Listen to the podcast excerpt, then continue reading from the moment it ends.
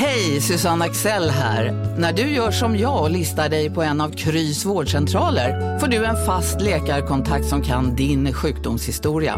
Du får träffa erfarna specialister, tillgång till lättakuten och så kan du chatta med vårdpersonalen. Så gör ditt viktigaste val idag, listar dig hos Kry. Du, åker på ekonomin. Har han träffat någon? Han ser så happy ut. Var det onsdag? Det är nog Ikea. Har du dejtat någon där eller? Han säger att han bara äter. Ja, det är ju nice alltså. Missa inte att onsdagar är happy days på IKEA.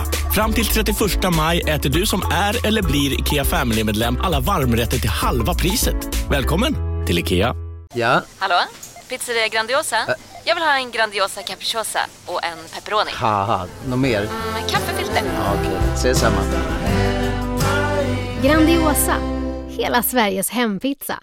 Den med mycket på. Hej och hjärtligt välkomna till veckans avsnitt av Kulturbarnen! Hej allihopa! Hej! Hej! Pontus de Wolf och Ida Thirén! avsnitt 42. Live från Skeppsholmen och Pontus de Wolfs studio. Uff, så bra! Mm. Förr kom man i Nile City så gjorde de alltid så här liksom ljudeffekter i gammal, gammal Mm. Min radio. city, i city, din Exakt. city.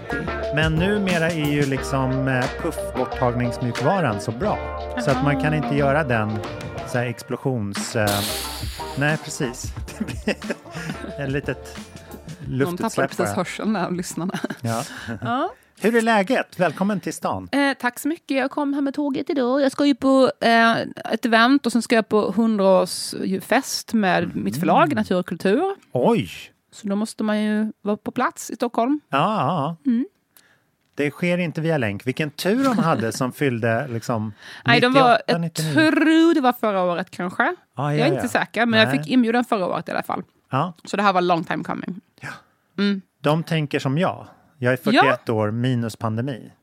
exakt, och du ska ju fira din 12-års bröllopsjubileum Ja. också, fick jag reda på här. Exakt. Du var ju bjuden. Jag var bjuden. Men du, du skulle någonstans. Jag ska till Paris. Ja. Min kille har spelning med sitt hardcore-band. Nej, jag, driv, jag driver inte alls. Han ska ha en spelning med sitt hardcore-band. Ja. Men vi ska kombinera det med en romantisk semester. Ja, ändå, det är eller, bra semester. stad för det. Men ni kan fira oss där. Ja, det kan vi. Via länk. Men det var ju en, en absolut sån, vanligtvis firar man inte 12 år. Men, Nej, inte så eh, jättevanlig. nej, men vi fick, Dussin år. Ja, Mm. exakt. Men det, det har kommit fram fördelar för att det är då man går in på metallerna. Aha. Så att liksom innan dess är det typ de här silke och de här mjuka. Nu är ni nere på den hårdvaran. Ja, det, är Mm. det man vill uppnå. Jag fattar. Och avsnitt 42 är det. Ja, vet du vad? Jag träffade min, ehm, eller min redaktör, men en redaktör på Svenska Dagbladet. Som jag har skrivit för i många år. Eh, framförallt bokrecensioner, men lite annat också, lite intervjuer och grejer. Men vi träffades i fredags innan vi gick på Carolina Ramqvists eh, releasefest för hennes nya bok. Oj, det får du berätta om. Kul. Ehm, och ja, jag, jag, jag har inte så jättemycket att säga för att, förutom att då, ehm, det var en releasefest helt enkelt och jag var där. Eh, men Eh, jag pratade med min redaktör då innan, vi hade lite möte och hon hade hört podden några gånger och hon tyckte att det var väldigt trevligt, för hon tyckte den var liksom mycket intressant, också rolig. Hon sa man går liksom och ler lite när man lyssnar. Men vad härligt. tyckte jag var den finaste komplimangen. Alltså, Ja. ler, det är ganska Ja. lagom. Det behöver inte vara så här gapskratt. Det är ju inte riktigt flams och trams-podden vi har. Nej, Men det ska ju vara lite substans, men ändå, Mm. det är ändå underhållning. Så. Vi är ju inte Verkligen. reportrarna utan gränser på plats, liksom så hemskt. Utan det är ju så lite ändå underhållning. Så jag tyckte det var den perfekta recensionen, att eh, man går och ler när man lyssnar. Gud nu börjar det snurra i tankarna för att det är väldigt fint om man kan vara den personen. Alltså att, så här, att gå och Få prata med Pontus, det är att man, man märker att man går och ler. Det är, nästan, det är en väldigt så här, nykär bild. Men vill inte få någon att le. Ja, exakt. Eller det, det kan vara så här, få någon att le åt dig så som de ler när de går och lyssnar på Idas och Pontus podcast Kulturbarnen.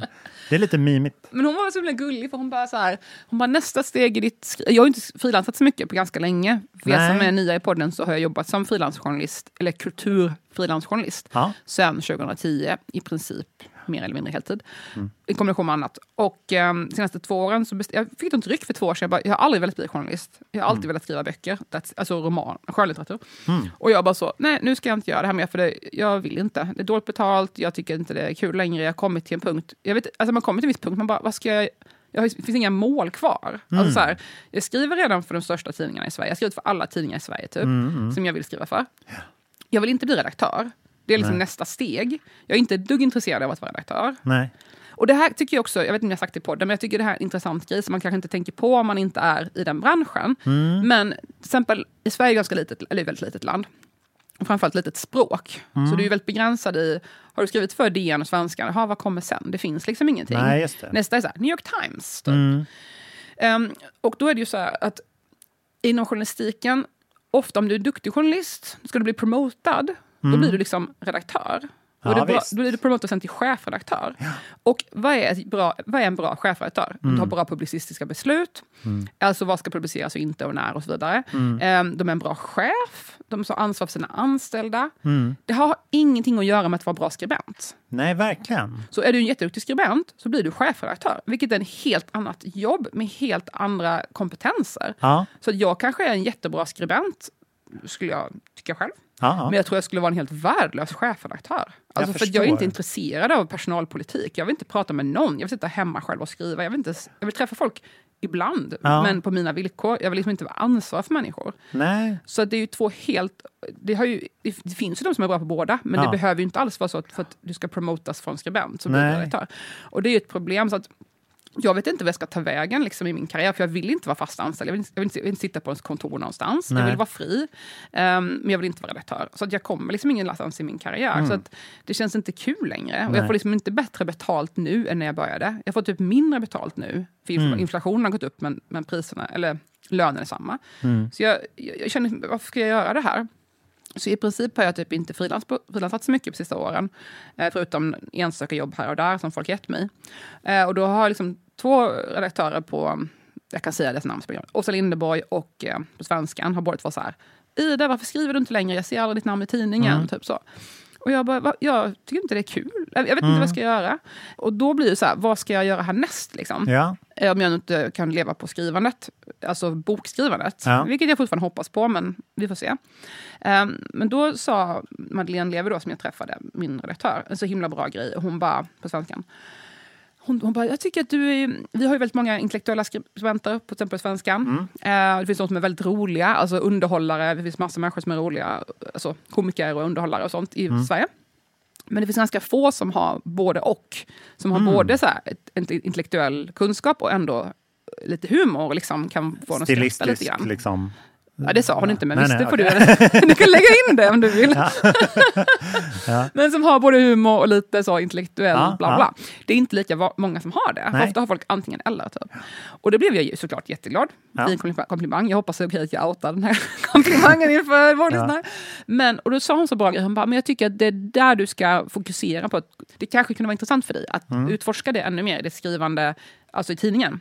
För det är lätt hänt när man skriver för en tidning, typ som Svenska Dagbladet. Skriver jag en bokrecension, då är det lätt att man vill liksom verka smart och man skriver för massa, massa professorer som läser tidningen och man vill ju passa in. Ja, och där så måste man vara bättre än alla läsarna på något vis.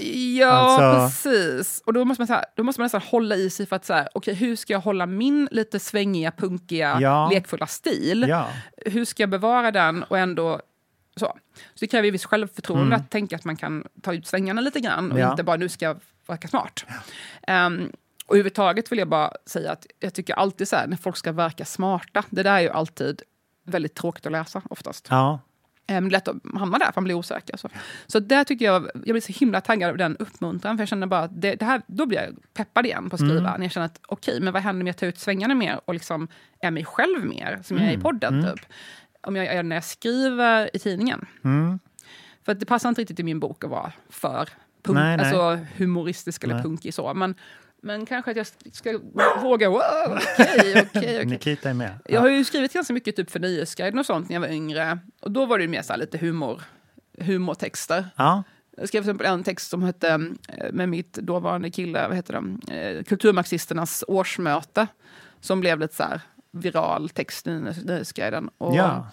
Lite sånt där har jag gjort. Men det var ju 10 år sedan, eller 12 år sedan. Så nu känns det som att jag, fan nu, ska jag, nu kanske jag skriver någonting som är lite kul.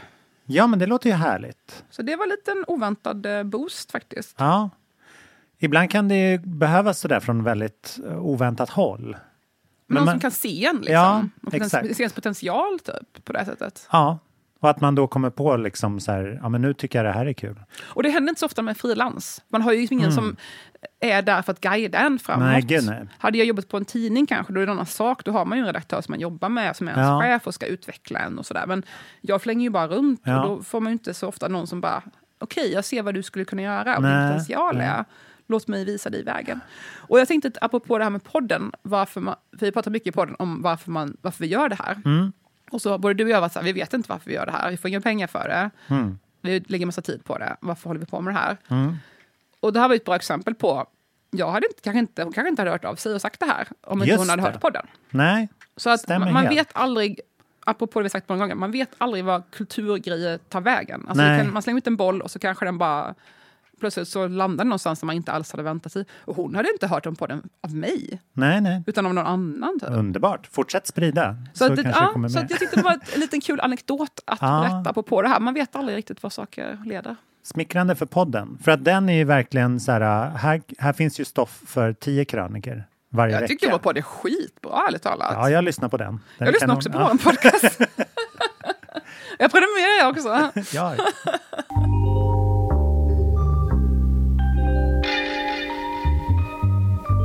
I've been told there were selfish and greedy men like you in the show business.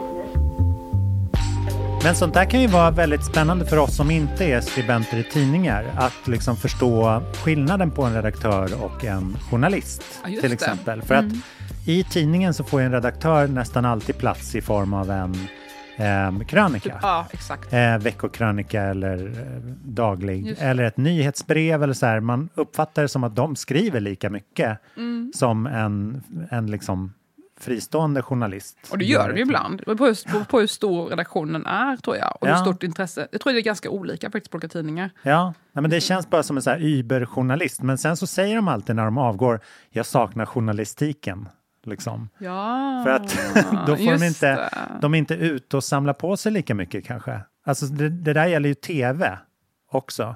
Ja, för de kan ju också mena så här, journalistik kan ju också vara hela, att vara redaktör är också för journalist. Alltså, Ja, man, ja, ja. alltså att man inte skriver eller pratar eller så, utan man är ju den som funderar kring vilket material ska vi undersöka och Mm. Ja, men sådär. precis. Men man är ju på kontoret. Det är därför journalist är så konstigt ord, folk bara, du är ju journalist. Jag bara, fast jag identifierar inte mig alls som journalist. Nej. För att en journalist är ju någonstans mer fokus på att rapportera och undersöka. Och det betyder inte att man skriver, man kan vara, det kan ju vara tv-journalist eller radiojournalist Mm, exempel. absolut. Och jag är ju mer skribent. Alltså Mm. det är det jag är intresserad av, att skriva. Inte så mycket det här nyhetsrapportering eller så. Nej, nej. Så därför är det svårt att relatera till den epitetet. Alltså visst, det jag gör är väl journalistiskt. Men det är ju kulturjournalistik, det är ju lite annat. Ja. Så essä, Journalistisk eller- vilde. Eller Ja, men så en, en re- bokrecension är ju inte riktigt journalistik. Alltså, Nej, nej, jag det är fattar. mer sånt jag skriver. Liksom. Ja. Och intervjuer ibland och sådär. Men ja, bla bla bla. Vad har du haft för dig, Pontus?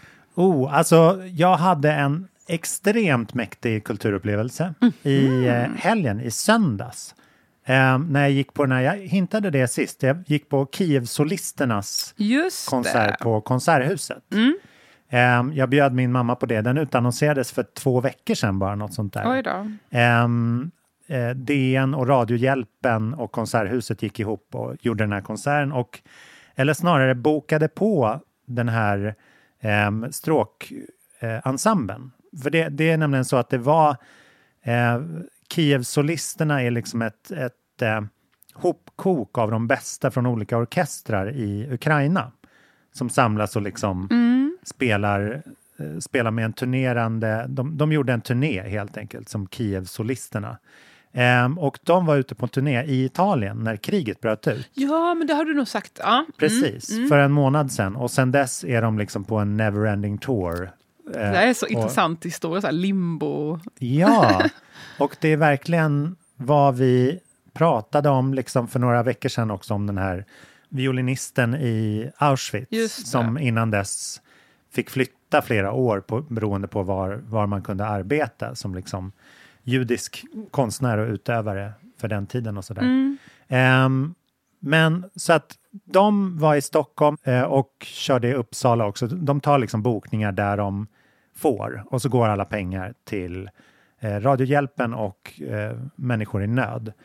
Så att jag, jag kände att så här, här kommer vi komma väldigt nära. Liksom. Både det som vi har pratat om här, att så här, eh, vad gör vi för att ta in deras kultur? För då, då ska de naturligtvis spela liksom, eh, ukrainska kompositörer, folkmusik och liksom förmedla den till oss. För jag, jag visste ingenting om ukrainsk musik egentligen. Ehm, Det är ju en stor technoscen där. Klubb och technoscen. jag vet. Alltså, det är många historier om eh, klubbscen och sånt där som fortfarande pågår. Och konserter. Alltså nu, under Ja. kriget? Och konserter i um, skyddsrum. Oj, och så här att de liksom, Wow. eh, det är verkligen så här ljuset i mörkret Oj. ungefär. Men vi, och det är också så hemskt som det låter, men det är ju ett sätt att skapa content för att så nå ut Mm. om kriget till andra kanaler. Alltså det är Ja. lättare att göra delbart och allt sånt där. Den cyniska internetreglerna, men bla bla bla. Mm. Ehm, men så med de premisserna så var jag liksom redo att gå med på att de spelade helt okej. För att det var liksom för en god sak och liksom det var, det var inte så bra, menar du? utbildande. Nej, jag, det jag säger är att orkestern? jag hade, jag hade gått med på det. Ja, Men okej. det, det är du inte bara, ah, de här förväntat- bästa musikerna i Ukraina, inte så bra. Men det jag inte hade förväntat mig var att det var liksom de bästa musikerna jag någonsin har hört. Shit. Ehm, och så hade vi liksom, jag, jag är väldigt fingerfärdig när det gäller att skaffa bra biljetter, så vi satt väldigt långt fram, fick bara det här liksom eh, direktljudet från, från själva instrumenten, så fioler, viola, cello och, och eh, basfiol och flöjt.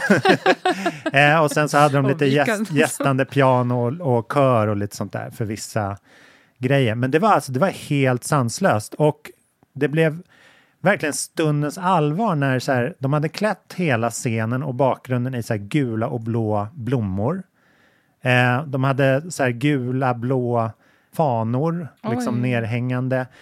Och så börjar allting med att så här, en trumslagare börjar trumma på en trumma och så kommer kungen in. Alltså, vår kung? Ja, står på sin kungabalkong, alla vänder sig mot honom. Alltså på sin liksom loge typ? Ja, exakt. Aha. Och så har de rullat ur någon sån här, och jag, bara, jag, jag har varit på Konserthuset på, på Polarpriset och då sitter han längst fram, liksom.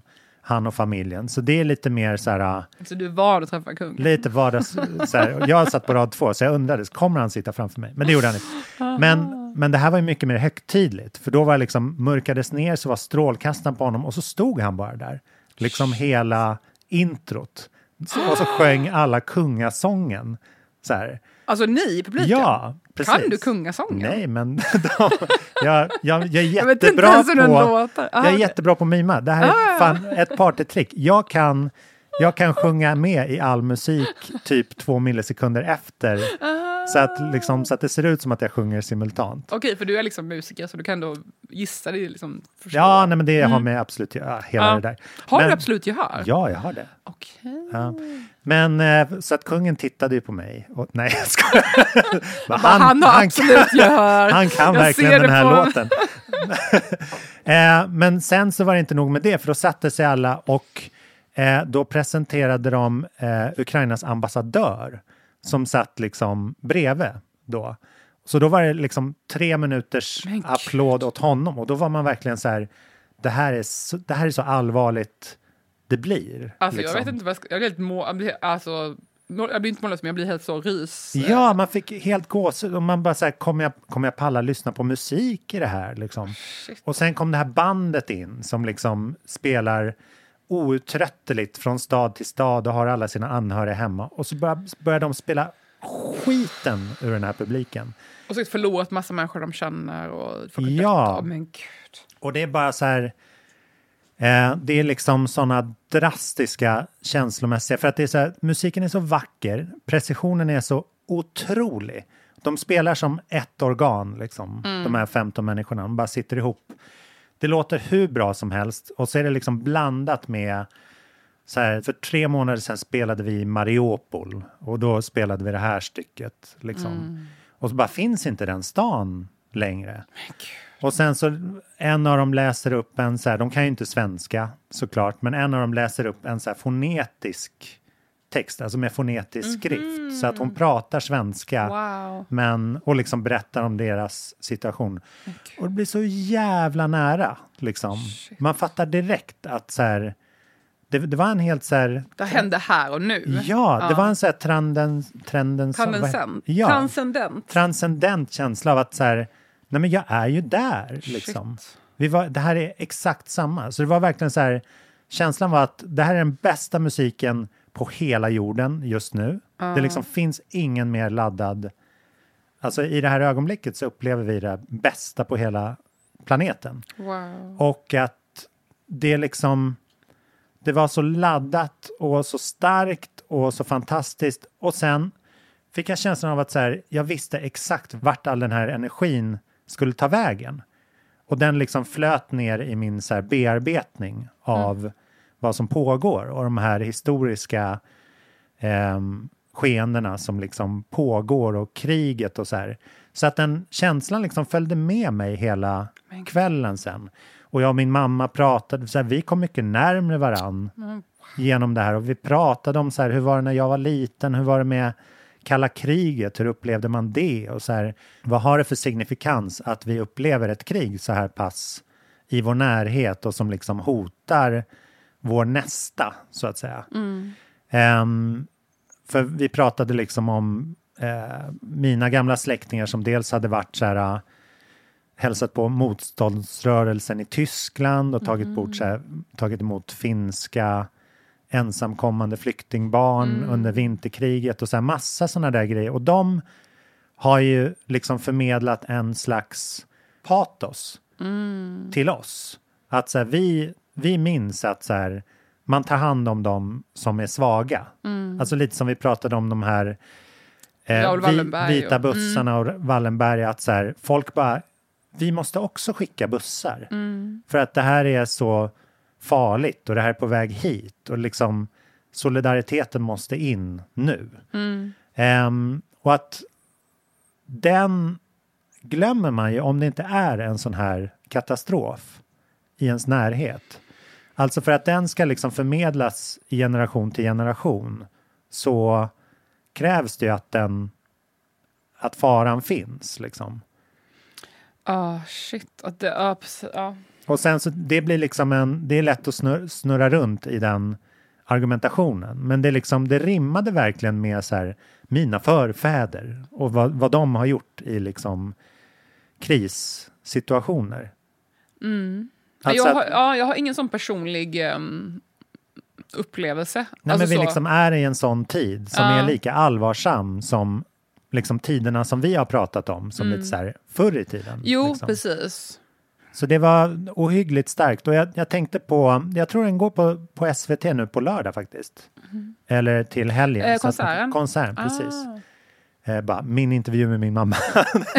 Nej, men, ehm, men så att det, jag rekommenderar verkligen att se den. Men det var lite speciellt när du beskrev det här med kungen också, för att det tänker jag, det där känns också väldigt så här förr i tiden, typ att så här, kungen är på operan Ja, eller på konserthuset Ja. i sin loge och det är krig med Ryssland. Alltså Ja. det känns som att det är så här 1700-talet. Typ. Ja, och det var ju så här, äh, i kungalogen var det även en högt uppsatt militär med. Oj. Så, här, så att det var ju liksom, det här var en, eh, verkligen en pusselbit. Mm. Det är inget, det var liksom ingen naivitet i den här salen. Liksom, Det här är på riktigt.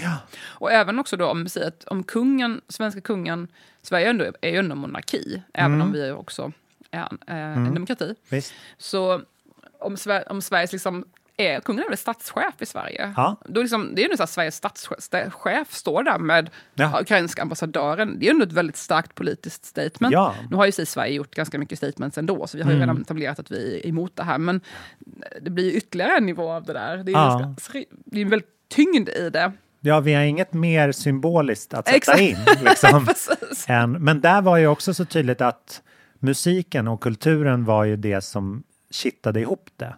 Det hade ju inte gått att visa den symbolen utan kultur. Liksom. För vad, ska, ska kungen... Ja, det kan ju vara vid en demonstration kanske. Men det är inte, alltså kungen lirar ju inte med demonstrationer riktigt. Nej, Det är ju lite motsatsen. Ja, ja, men det är- Demonstration är lite så folkets... Det är olika, ja, exakt. Men det är olika riktningar och måste, Ja. måste kanske vara det. Jo, Men att det här var liksom en... mer en manifestation en demonstration. Liksom. Ja, precis. Jag tänkte apropå politik och kultur, jag såg ett litet klipp med Laven Redar, eh, så sossarnas eh, gruppledare och med i eh, kulturutskottet. Mhm. Och jag tycker hon sa så himla bra grej, för då var det en kvinna från SD som kritiserade eh, att det ger mycket pengar till eh, public service. Mm. Och jag tyckte hon sa så himla bra grej, jag ska spela upp här. Som jag kan göra på... mer pengar. För Sverigedemokraternas del så pratar man ofta om svenskspråkighet, svensk kultur, svenska samhället ska speglas. Men i fråga om public service, då är man beredd att sälja ut en stora andelar av den svenska mediemarknaden till globala konkurrenter. Det som innebär att vi har granskande journalistik, lokala redaktioner i hela landet som speglar svenska förhållanden, som framhäver minoritetsspråkigheten, mångkultur vårt land utgör. Det ska man helt lämna över till globala aktörer.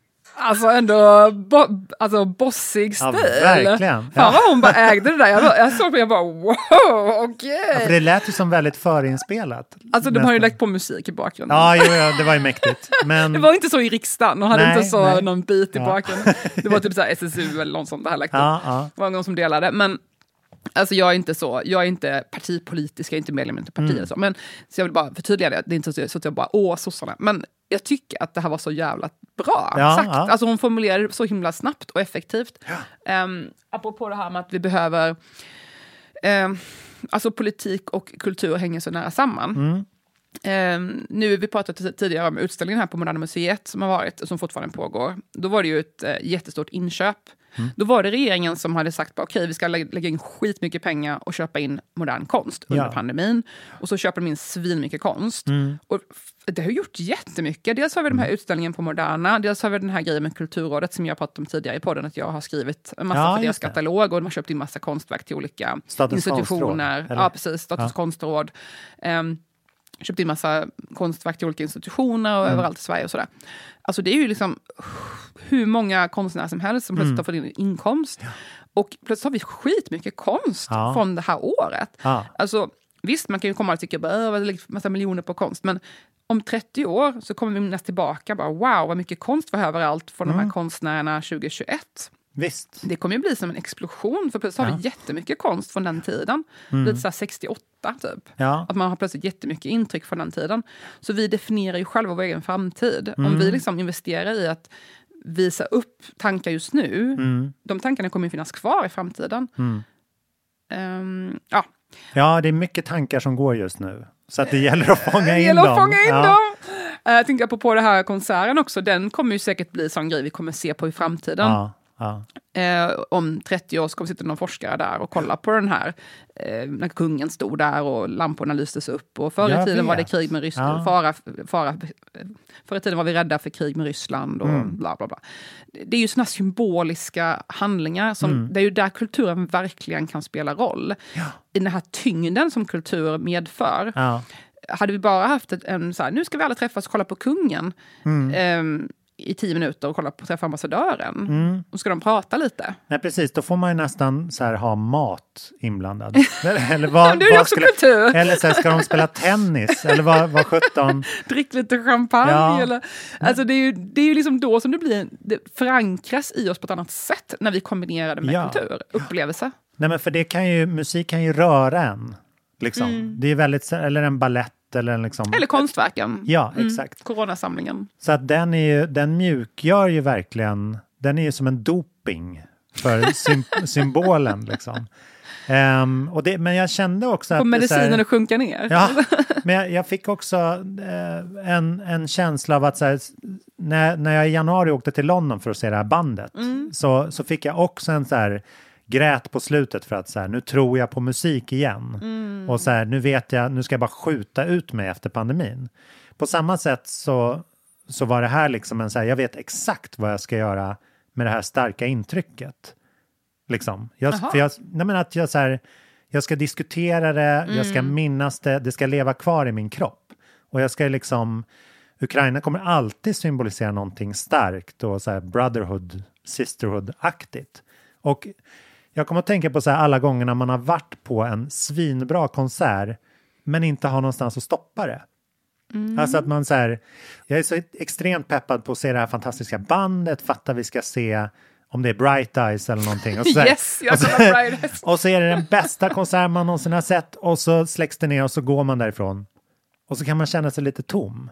För att man så här, eh, man bara, ska vi ta en öl eller, eller så här, ska vi hem och ligga? Det är väl kanske det bästa man kan göra. Men att, att man så här, det var inte så här, jävlar jag måste dra hem och göra det här nu. Eller liksom, det är svårt att ta med sig en... Men, alltså, det kan ju vara verkligen, alltså, musikspelning är ju lite speciell, för det är ju liksom väldigt mycket ad, alltså, adrenalin nästan. mm. Eh, men jag tycker det kan vara samma sak om man till exempel ser en skitbra film på bio. Ja, Och då måste man få prata av sig efteråt. Jag var med min kille på Världens värsta människa i somras på bio och jag tror vi satt och pratade i minst en timme efteråt. mm, mm. Och jag kände att det var så mycket jag behövde prata om. Hade jag sett den själv hade jag känt mig lite så snuvad nästan. För att då Jaha, sitter man där och ja. bara...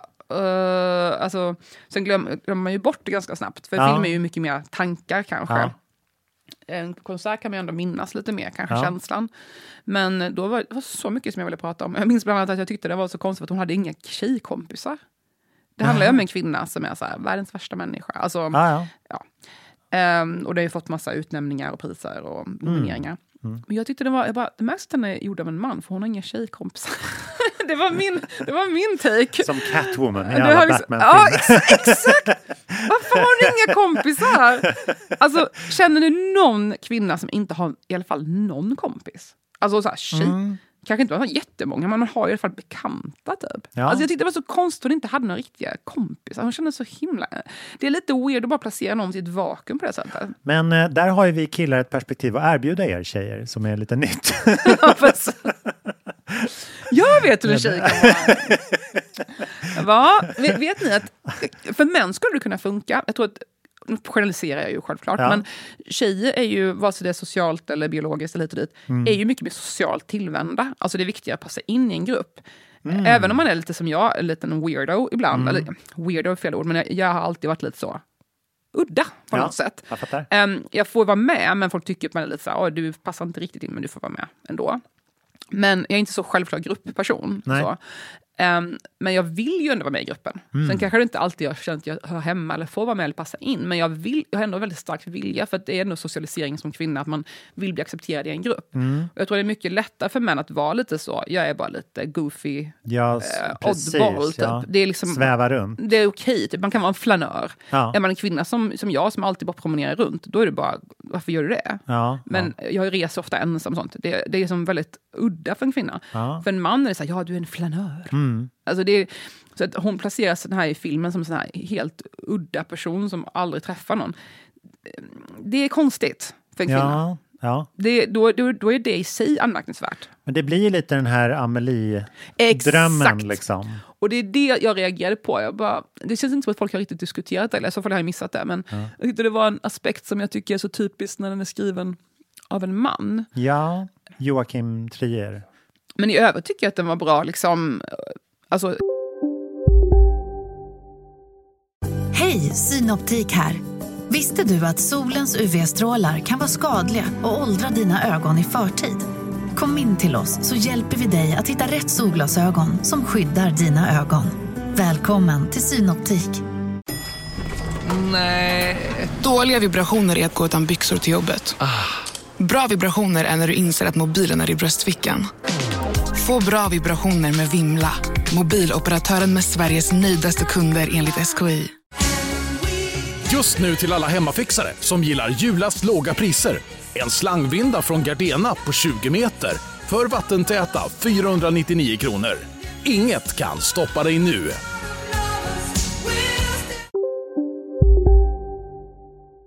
Hon var ändå en intressant, komplex kvinna. Det har de lyckats med. Men just den här att hon svävar runt i ett vakuum på det sättet, det tyckte jag var väldigt udda.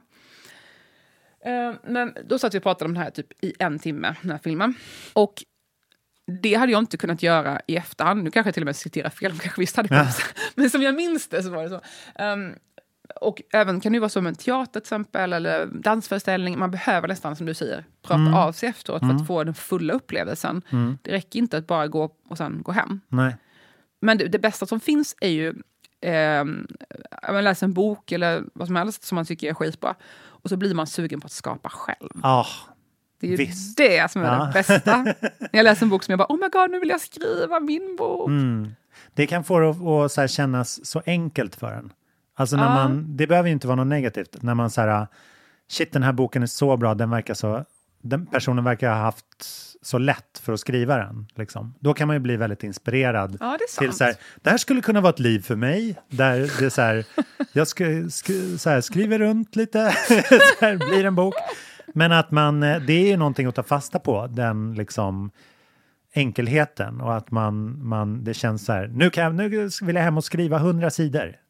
Och det måste jag bara lägga in en liten kommentar här, att, för en varning. Att sånt som är, verkar väldigt lätt, Mm. alltså särskilt, det gäller nog alla konstformer, men Ja. fram, jag är mest insatt i skrivande. Ju mer lätt, om det är väldigt bra och Mm. smart och komplext och väldigt lättläst, det där är det svåraste. Ja, Att verka smart och komplicerat och krångligt, anyone can do it. verkligen. Alla kan krångla till det och verka... Och jag är så smart så du förstår inte ens vad jag skriver. Du känner bara det är dum när du läser. Det där är enkelt. Ja, ja. Att skriva så att folk förstår, men det ändå finns ett djup. Mm. Det där är det svåraste. Och så tänker jag också att en väldigt enkel poplåt. Mm. Man var så här, åh vilken banal, vilken, inte banal men vilken så Ja. enkel. För Så de- Let it be, liksom. Ja, visst. Ja. Du som älskar Beatles. Eller så här Song 2, eller, Ja. Eller Young Folks, eller sådana här hits. De säger ju alltid så här, ja den här skrev vi på fem minuter också. Men vi har haft övat i 20 år. Ja, precis. Vi har jobbat 20 år som musiker. Ja, och det sjuka är att så här, det går inte att göra om så lätt, för att de är ju bara i de där fem minuterna en gång. Liksom. Det är som en inspiration från ovan, eller som i What if God Ja, was one of us? Ja, precis. Throwback från avsnitt Åh, det kan jag inte svara på, kanske? men det var ett bra avsnitt. Ett jag tidigt det var 10, avsnitt. 11 kanske, där vi började bli bra. Det, var som när vi började fånga ja, formen. Om ni inte har hört det så White kan ni, Lotus-avsnittet. Kan ja, kan ni lyssna på den vi pratar om What if God was one of us, Mm. hur den låten blev till. mm. Att Den det var sådana ögonblick. Han skulle visa sin tjej, hans tjej bara, jag vet inget om musik, kan inte du visa mig hur man gör? Så här, ja, man kan börja med ett ackord som går så här, och sen ska man ha ett tema, det kan vara så här, och sen var det liksom klar.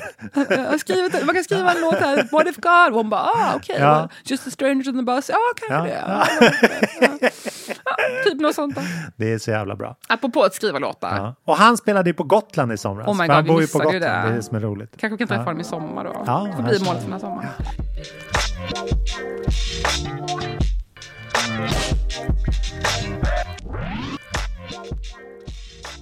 Men i alla fall, bara för att, för att knyta ihop eh, säcken här, Mm. så, så det här har verkligen liksom fått in mig på att nu ska jag fine-tuna så gott det går varenda liksom kultur, alltså mina kulturupplevelser ska jag se mer som så här kulturinsatser mot mig själv. Att om jag vill, Utveckla. nej men om jag vill gå och se en spännande film till exempel, då vill jag se till att jag fine-tunar mitt sällskap som jag går på den med. Att du liksom planerar in en sån här öldejt efteråt. Ja, typ. ja, dels det. Nu Det gör jag prata om det alltid. Men också att jag liksom väljer rätt person att se Aha. filmen med. Det gör man väl lite ändå. själv- självselektivt, Ja, typ. precis. Men att man kanske inte ska stressa. Om jag ska gå och se ett band, då ska jag verkligen liksom veta var jag ska stoppa den energin sen. Intressant. Ja, jag tror att det går att göra någonting väldigt bra. Eller att man liksom väljer en bok efter tillfälle och som verkligen så punktinsats. Att så här, nästa, för det har jag testat. Att så här, nästa vecka ska jag skriva låtar tillsammans med en låtskrivarpartner till exempel. Då ska jag ta, sätta mig och läsa den här veckan. Mhm, Och så ska jag inte ta med mig på. datorn utan jag ska bara ha ett anteckningsblock. Eller liksom, den, då ska jag exakt fylla på. Ehm, och då är det en väldigt direkt så här, det här är min output. Och så här, jag samlar på mig Mm. idéer och lust. Att så där. Men det kan även, man kan även rikta det liksom till ens person, tror jag. Att så här, hur, vad, man kan till och med så här, vända på det, så här, vad, är, vad är jag behov av att förbättra hos mig själv? Aha. Till exempel. Och då, så här, ja, men då ska jag ta de här kulturupplevelserna och tjoffa in det är väl lite som man ska träna så att man lite extra nyttigt kanske. Ja, exakt. Eller så, Eller så behöver du behöver trä, träna core för att du är lång och har dålig hållning. Du behöver lite extra protein nu efter styrketräning. Eller min favorit när man Mm. säger om du vill ha rutor på magen då ska du träna sidomagmusklerna för det är de som håller uppe det. Ja. Det säger alla som Okej. gymmar till mig. Okej. Jag bara okej. Ja. Alltså, alltså, ni som tränar brukar Ja. jag säga. jag brukar promenera. Mm.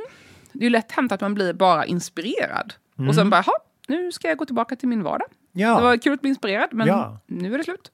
Som du säger, det kanske är lika bra att verkligen in, ha en in, intention med det. Mm. Att använda den här inspirerade energin och göra den, fokusera den på någonting. Nu ska jag precis mansplaina det du sa. Nej, gör gärna det. jag mansplainade det du precis sa. You're a weird girl. Nej, men, men jag lärde mig, alltså Nick Cave har alltid varit en så här för, föreståndare, eller förespråkare för att så här, jag jobbar 9 to 5. Mm. Att så här, jag går till jobbet klockan åtta och så är Mm. jag där till fem och sen så... Ja, 85. 9 to 5. vad, bra, vad bra det gick.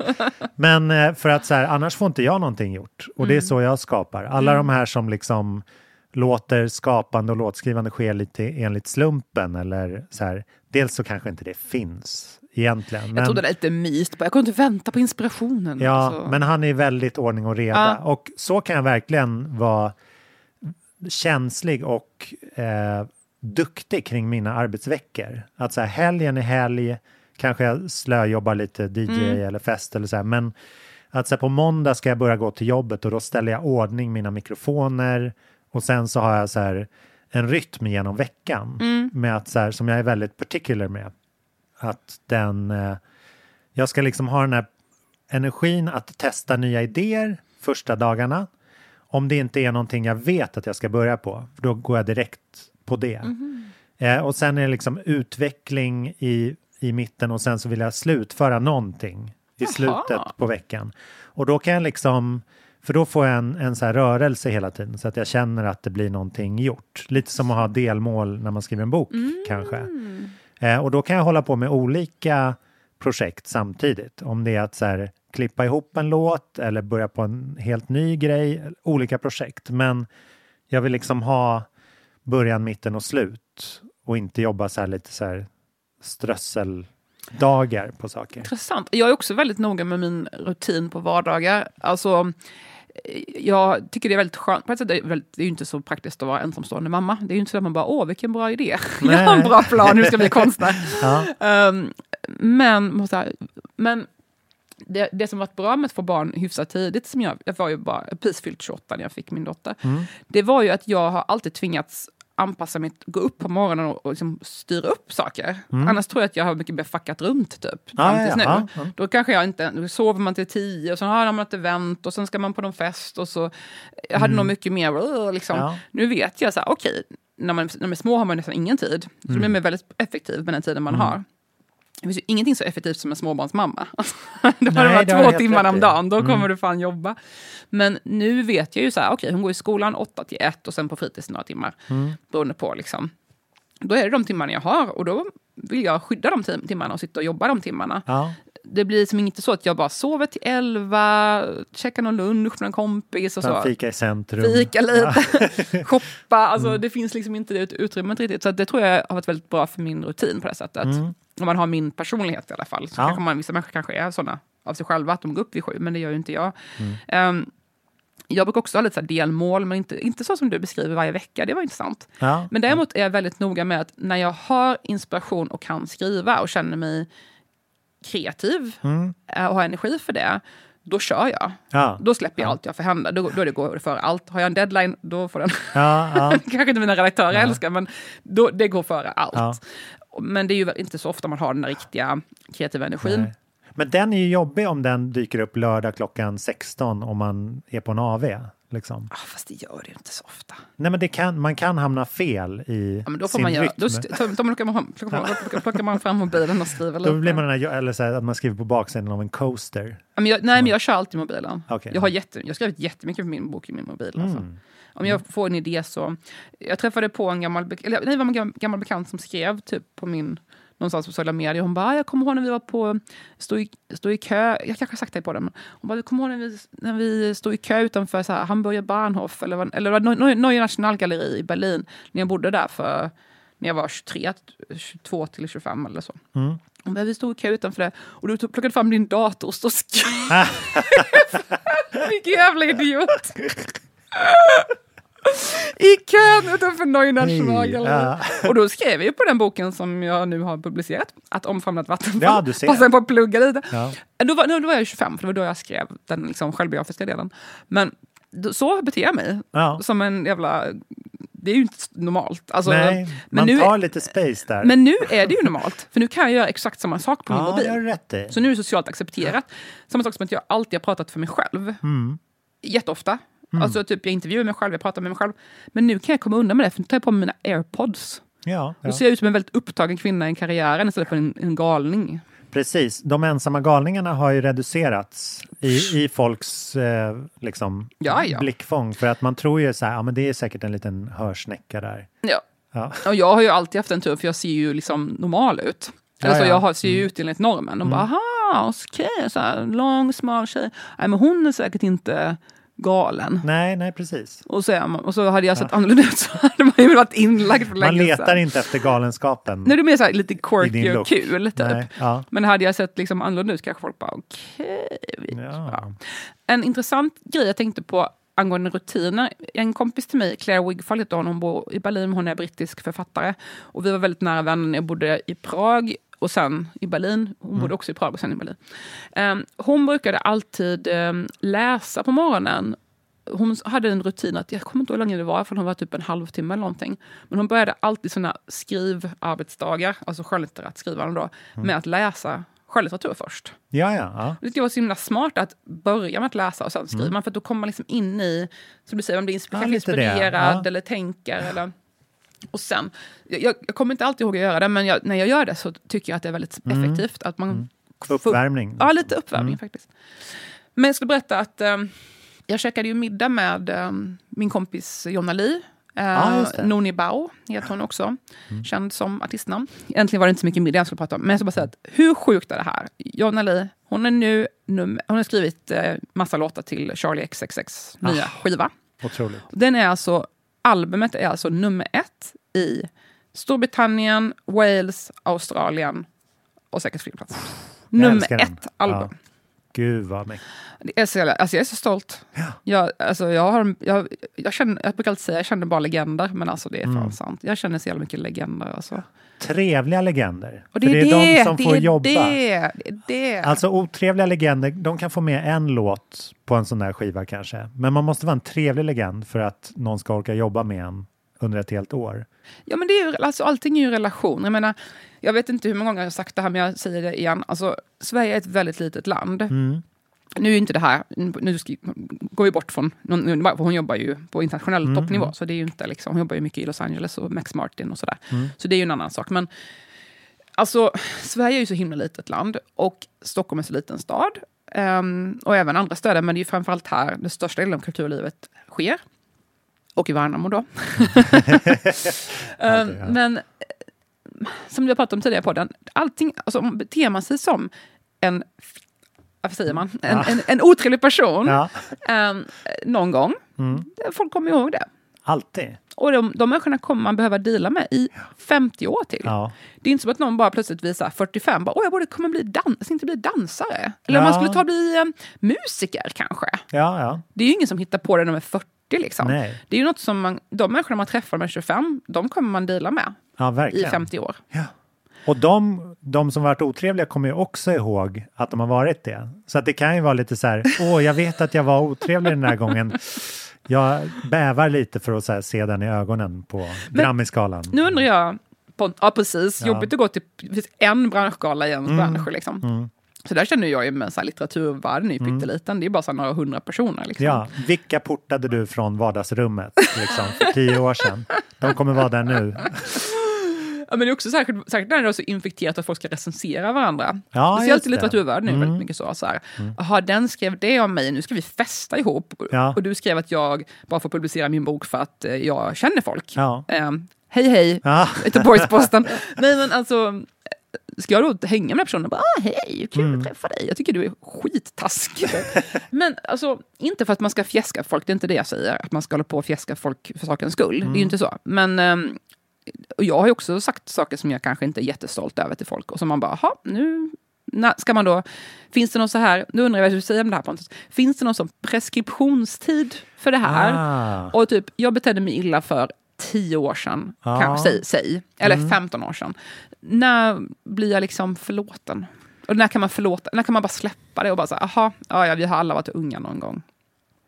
Gud vad spännande. Alltså du får antingen verka inom en lite an, på ett lite annorlunda sätt inom ditt skrå, tror jag. Alltså anta en lite annan roll. Eller så får du utnyttja att den andra personen också har varit ett asshole någon gång. Någon gång. Och eh, liksom... We all make mistakes. Typ. Ja, och det, alltså ju längre tiden går desto större chans är ju att man beter sig som ett asshole någon gång. Så att man kanske kan liksom levla med den andra där. Att förståelsen Men då måste man ju benämna det. Och bara du, eller, eller tror du folk bara så här, ah, ja, Mm. jag orkar inte bry mig längre. Ja, nej, men jag tror det är en viktig faktor. Att folk kan se till sig själva lite. Men jag tror också att det kan ligga en ofantligt i båten länge. Alltså. Jag tror faktiskt det. Jag jag tänk- tänkte på det bara här. Eller mest att så här, jag, jag väljer mellan den här som jag vet gjorde en oprofessionell grej och den här som jag inte har testat. Den är så, ja, jag Eller som jag har hört bara som- bra saker om. Typ. Precis. Alltså, jag, men absolut inte att man ska skriva för snälla recensioner eller man ska ju Nej. Mm. vara ärlig och sånt. Det är inte alls det jag säger. Men nu pratar vi bara ut, utifrån professionella relationer då, Mm. inte så kritik, alltså, eller inte recensioner och sånt. Nej, utan, nej. Men liksom, jag tror man har mycket att känna på att vara schysst. Och det har vi pratat mycket om i podden förut. Mm, Ehm, som du nämnde, att det var någon musiker du fick en bra deal med för att det hade varit, en ljudtekniker du fick en bra deal med för det hade varit schysst mot honom för tio år Ja, sedan. just eller någonting. Ja. Mm. Ja. Och så där tänker jag att det är hela tiden. Och man ska verkligen inte underskatta, särskilt när det kommer yngre människor, om man kan hjälpa dem. Mm, mm. För att sen, de kommer vara din chef en dag. Alltså. Ah, ja. de kommer vara din I ett redaktör. format som du inte orkar förstå. liksom. Exakt, de kommer vara chef på Moderna Museet när du Mm, sitter där och mm. vill sälja ditt konstverk. Och som sagt, jag men- jag menar absolut inte att man ska fjäska för folk, Mm. men man ska nog vara lite smart och hur man navigerar grejer. Ja, gud, jag såg precis att TikTok lanserar ett eh, så här, musik, en musiktjänst som ska Oj. vara så här 360 som heter typ Sound On Mhm. eller någonting sånt. Alltså det har funnits ett tag. Tydligen ska man ge sig in där, men jag, jag orkar inte. det, där får vi Nej. ta i nästa avsnitt. Det kan Ja, det bli kan en vi bra, bra Mm. tease. Jag tänkte Eh, bara för att vi, jag pratade lite med, alltså jag känner ju mycket folk som jobbar i influencervärlden och sådär, Ja. i och med att min kille är, är kreatör, som det Ja. heter nu för tiden. Och då är det ju också väldigt mycket sådär relationer, man, Mm. den känner den och den känner den och sådär. Och i och, med att, jag vet, inte, i att jag är lite äldre nu så tror jag att folk är lite mer så här, "Ugh, bryr sig inte. Men det är ju mer, lite mer drama när man är yngre. alltså så. Folk är också lite mer... Eh, generellt, när man är mellan 20 och 30, då kanske man är lite mer att man eh, tänker, agerar för vad man tänker. Ja, ja. Man blir ju lite mer försiktig kanske, eller lite mer så chill med åldern Mm. på något sätt. Så det är ju större chans för missförstånd och drama och sådana grejer när man är yngre, Mm. tänker jag Mm. generellt. Men det är också där man riskerar att bränna broar. Och man Jo, kanske ja, inte fattar ja. det när man är så här, nu pratar jag absolut inte om någon jag känner, utan bara så här, generellt grej. Mm. Reflektion, att det är rätt lätt tror jag att man så här, när man är kanske 23-24 och plötsligt Mm. bara, nu får jag äntligen vara med i Mm. världen, nu bä, det kommer mass, det finns oändligt med folk och jag Mm. kan jobba med. Men så Mm. är det inte det, kanske Nej. är 100 personer. Och sen kommer det vara dem som du vill dela med i 50 alltså år. det, en grej leder aldrig till en annan. Utan man får liksom kämpa fram varje sak, är Ja. min erfarenhet snarare. Och då kan man också börja bete sig som en rockstjärna som är liksom helt klar på något vis. Så att, och då, då kan man verkligen bränna sig. Och Och alla bara, den här jobb, människan är skitjobbig, jag orkar inte med den. Ja, ja, verkligen. Vad, vad tror, Och det ryktet kommer vara kvar i typ 50 år. Ja, ja men det- precis. Tills man börjar jobba med något på. helt annat. Ja.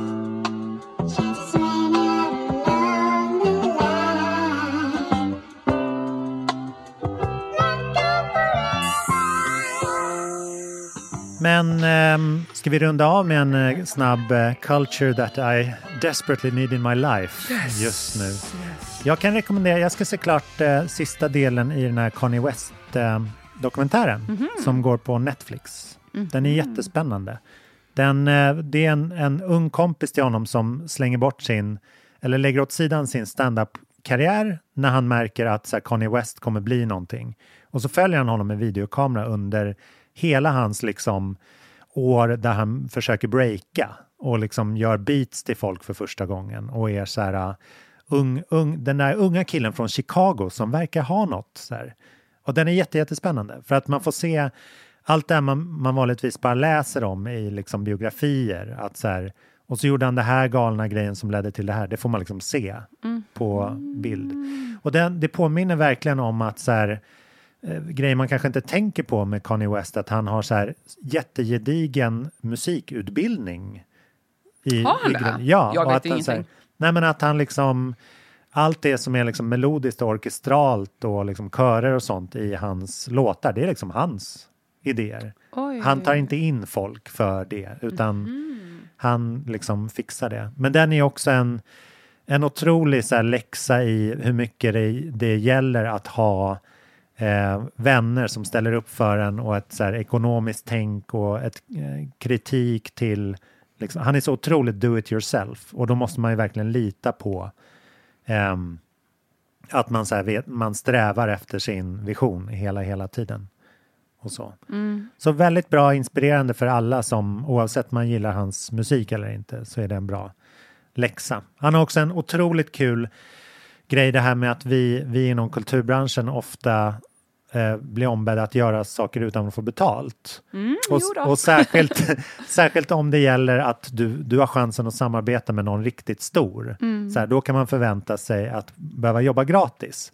Och då drar han liknelsen som så här, det är som att någon kommer in i en tv-affär och säger jag är jävligt bra på att titta på tv, därför ska jag få en gratis tv. Så här, that shit don't work. ja, många sådana sanningar. Vad har, du, har du någon eh, culture you desperately need in your life eller som du ser fram emot till helgen kanske? Ehm, nej, men jag tänkte bara tipsa om några låtar som jag tycker är bra. Uh, svensk hiphop. Ja, härligt. Ehm, nu är det ju tr- mycket trigger warning här, för det, de rappar ju både om diverse, jag vet inte allt, sex och droger och alkohol och slagsmål och våld. Så att eh, jag står inte för någonting i texterna. Nej, nej, nej. Men jag tänkte tipsa om några låtar. Ehm, nu är inte det hans senaste låt, Yasin. Den kom ju för ett tag sedan. Hans låt som heter 20-talet. Mm. Jag tycker den är jättebra. Mm, Ehm, den, hans senaste låt, jag vet inte vad han... Han, han typ pratar av sig lite Ja, jag i sin nya låt Ja. som släpptes samma dag. Den tycker jag inte är lika, lika bra, men 20-talet är jättebra faktiskt. Han kanske skulle starta en podcast istället. Prata, Prata av sig sig där. lite. jag ska bara spela introt på 20-talet. Jag tycker den är så himla bra alltså. Ni hör ju, väldigt bra beat. jag går igenom låten.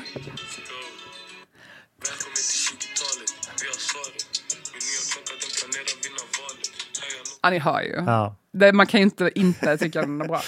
Ehm, och som ni vet har ni varit massa drama med honom och suttit inne och hit och dit. Så det är ju, lite, det är ju alltid så mycket drama kring det här. Sen eh, rapparen Danny M har släppt en ny låt som heter Ammo. Ehm, den låter så här, eller vi kanske kan, kanske kan göra det sen i och för sig. Men, Är det ehm, roligare så här? det är roligt. Ida, Ida sjunger med i olika låtar.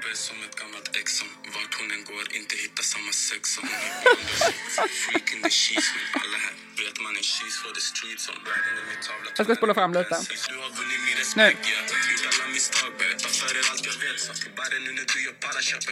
Nej, det här var inte så bra klipp. Jo, det här var bra som han sa nu. Det här är min stil. Han sa till Barro, Barre, köp en fastighet. Mhm. Och Danny M är typ 32. Mm. Så han är ju gammal då i den här världen. Ja, Lå- ja. Låten heter Ammo, alltså betyder typ morfar eller farfar. Alltså det är så gammal Ah, ja, man. ja, ja. Liksom. Ehm, så att han är då gammal i gamet Mm. eh, i rapgamet. Han varit med ända sedan tiden när kartellen var stora och sådär för typ Mm, 10 mm. 10-15 år sedan. Um, när vi hade klubbar, du och jag, Pontus. Ehm, inte tillsammans, men på var- varsitt håll. Varsin sida av Stureplan. um, och det han rappar om då i låten är typ att han lyfter fram andra unga namn. Och Mm. lite så här, köp fastighet för pengarna Mm. istället för att köpa kläder. Typ så. Ja. Eh, och den han refererar till är ju WC Barre. Ah, Eh, och WC Barre tycker jag också är jättebra. ja. så jag skulle spela av honom också. Ehm, jag, jag kan inte... Jag kanske borde skämmas för det här, jag är ju faktiskt en vuxen kvinna. Men jag tycker ju att WC Barre och Adam, som de heter, är väldigt bra. Som jag nämnt tidigare i podden, de som hänger kring Märsta där. Ja, just, just det. De är ju så här 20, 20-åriga Ja, killar i. Märsta och jag tycker ju att de är... Jag, tycker de är väldigt bra och jag förstår att jag är absolut inte målgruppen så de tycker säkert det är pinsamt att jag tycker de är bra. Men, men nu är det så. Vi måste tysta Terén. De bara, åh nej, vi tar bort våra street cred, någon morsa tycker vi är bra. Eh, jag ber om ursäkt Adam och Jesse men jag tycker att ni är bra. Ehm, Jag ska se. jag ska se om jag hittar någon låt här jag kan spela.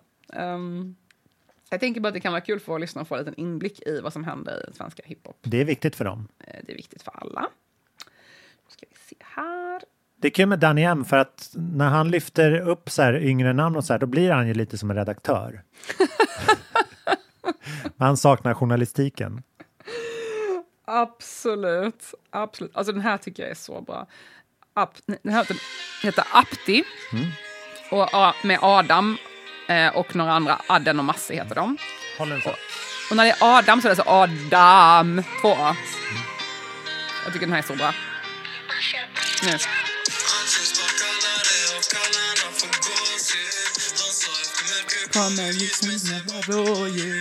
Okej, jag ska inte rappa på den här.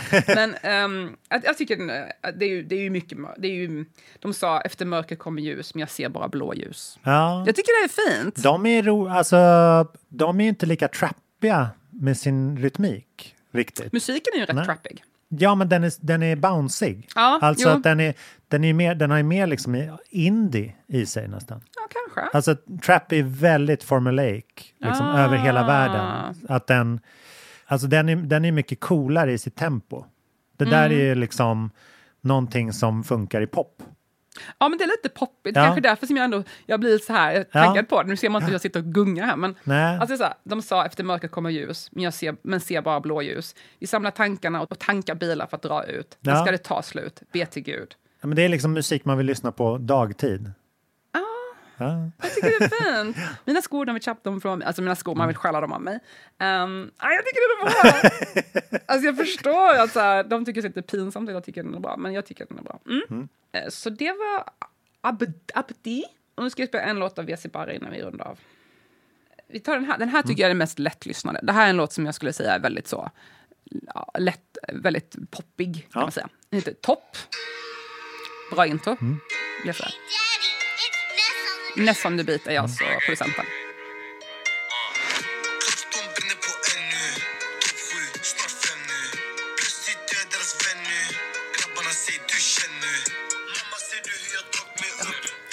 Det här är också poppigare. Alltså Det det, är här påminner om så här Snook. Eller Oskar Ja, Lindros. det är lite det. Och, Det är sant.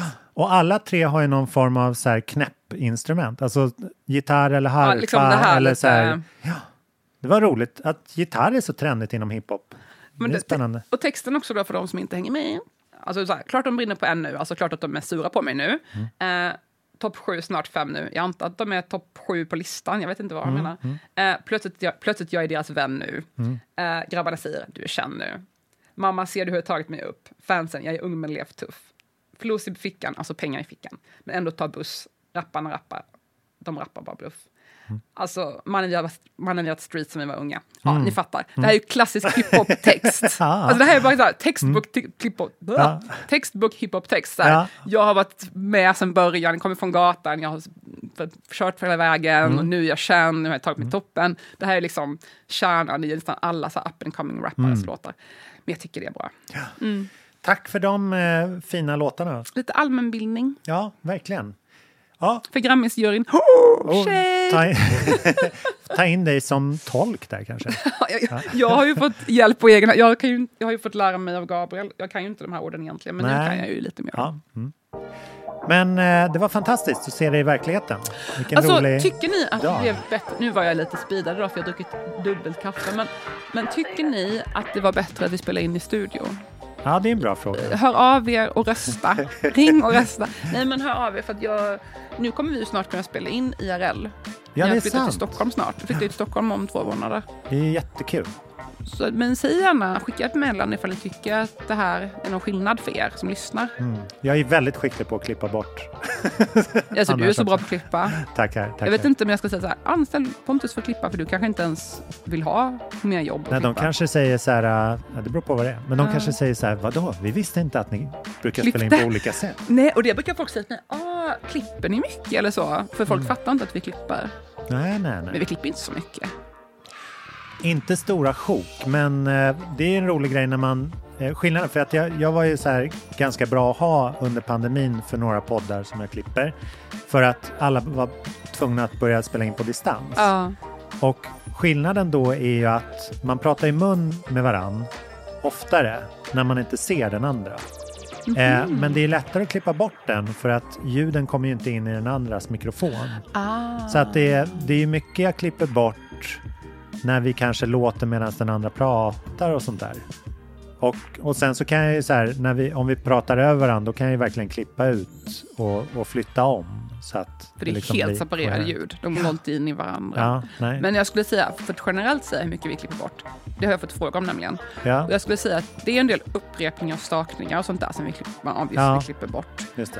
Ehm, och sen ibland känner man så nej vi skiter i det där ämnet, det blev inget bra. Ja. Så ibland klipper vi bort längre sjok också. Precis, och det, vi- det, i början så är man ju osäker. Då är man så här, du kanske kan flytta över det här till början eller så här, spara det här avsnittet till nästa vecka Mm. och sånt där. Men då fattar man ju inte hur mycket vi refererar bak hela tiden. Alltså vi fattade ju inte hur mycket vi knyter ihop Nej. allting. Så att det går ju nästan inte. Då får man nästan ta det helt från början. Alltså det går inte att spara ett avsnitt till nästa veckas avsnitt. Du menar inte ett där. avsnitt, du menar- ett parti? Ja, precis. Ja, Det blir värdelöst. Mm. Så vi redigerar ju varann under inspelningens Ja, gång. precis. Det här får vi ett specialavsnitt om kanske. Eller så var det här just det. Man vet inte. Nu ska jag på ett eh, influencer-event som Spännande. eh, plus en. Ooh. Jag skojade med Pontus innan vi började spela in att vi borde döpa om vår podd till plus en. Plus en-podden. För det är vi som alltid är plus en på våra influencers. Nej! Avslöja mig inte. ja, det blir kanon. Det får jag, vill jag höra allt om sen. Mm. Vad du hade på dig, vad ni drack, vilken träffa. Vilka var där? Ja. Men ha det så himla bra då och Mm. Ja. eh, njut av Stockholm i solen. Här. Detsamma Pontus, Ja. ha en trevlig helg. Ha det fint alla Hej då allihopa, hör gärna av er om ni lyssnar på Hej podden. då! Hej då! Tack, hej!